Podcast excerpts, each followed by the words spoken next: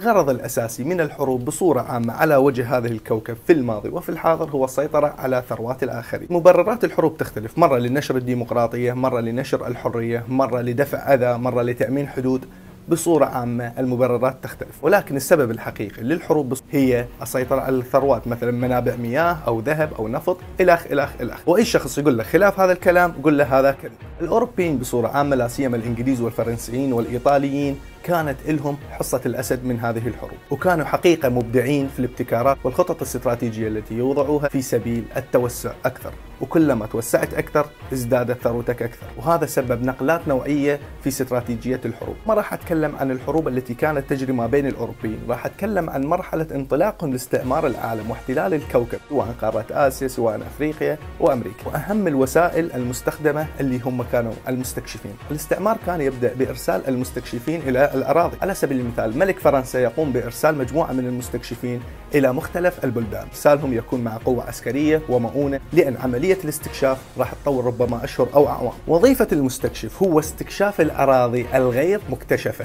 الأراضي خاصة الغنية بالثروات. وإرسال تقارير إلى الملك يبدأ الملك بإرسال الجيوش إلى هذه الأراضي المكتشفة. هذه الحملات العسكرية على الرغم من نجاحها وتوسعها على مختلف الكوكب كانت مكلفة جدا للعدة والعدد والوقت. اكتشف الأوروبيين بأنه إرسال الجيوش فقط أمر لا يكفي خاصة المستكشف. يستكشف الأرض. ما يعرف جغرافية الأرض؟ اجتماعية الناس الساكنين بها ديانتهم طبائعهم قوتهم. خاصة أن هذه الشعوب بدأت بالتوحد عند تعرضهم إلى خطر خارجي. وبصورة عامة ماكو أحد يقبل أن يتم احتلاله من قبل طرف خارجي مهما كانت خلافاته الداخلية. هنا بدأ الأوروبيين بمرحلة مهمة جدا خاصة فيما يتعلق بمنطقتنا في الشرق الأوسط وهي مرحلة المستشرقين. ونقدر نسمي هاي المرحلة هي مبدأ إدرس البلد جيدا. قبل احتلاله. مثلا أنا أريد أحتل الهند لازم أرسل مجموعة من الناس إلى الهند بحجة الاطلاع على ثقافة الغير. لازم أدرس الهند جيدا قبل أنه أشرع باحتلالها. مثلا أدرس أديانهم الأغلبية الأقلية جغرافيتهم لغتهم نقاط قوتهم. بعدها أتخذ قرارات. هذه المهمة كان يقوم بها هم المستشرقين. المستشرقين بصورة عامة كانوا يجون للبلاد يقوم بها مدة طويلة. خلال هذه المدة يقومون بدراسة تفاصيل البلد هذا.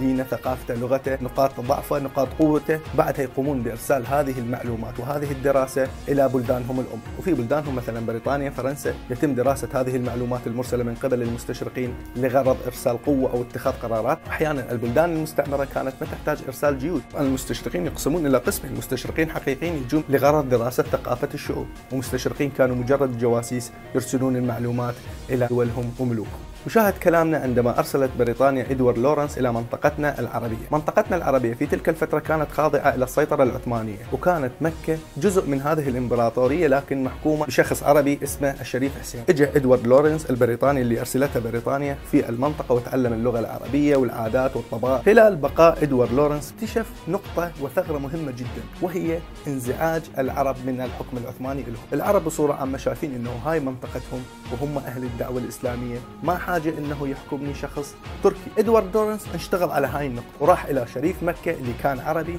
ودعاه إلى الثورة ضد العثمانيين ونشأت هذه الثورة في طرد العثمانيين سنة 1916 فيما يسمى بالثورة العربية الكبرى. الفكرة شنو؟ أنه شخص غريب إجا درس طبائعك وبعدين قام يتلاعب بآرائك ويحرضك. هذا الكلام كان قبل تقريبا 100 سنة.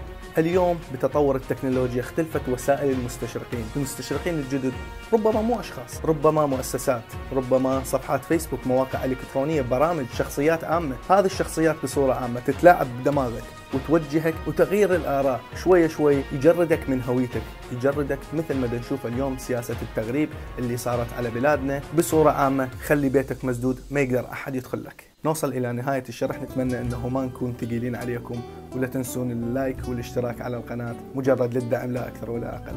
شكرا لكم.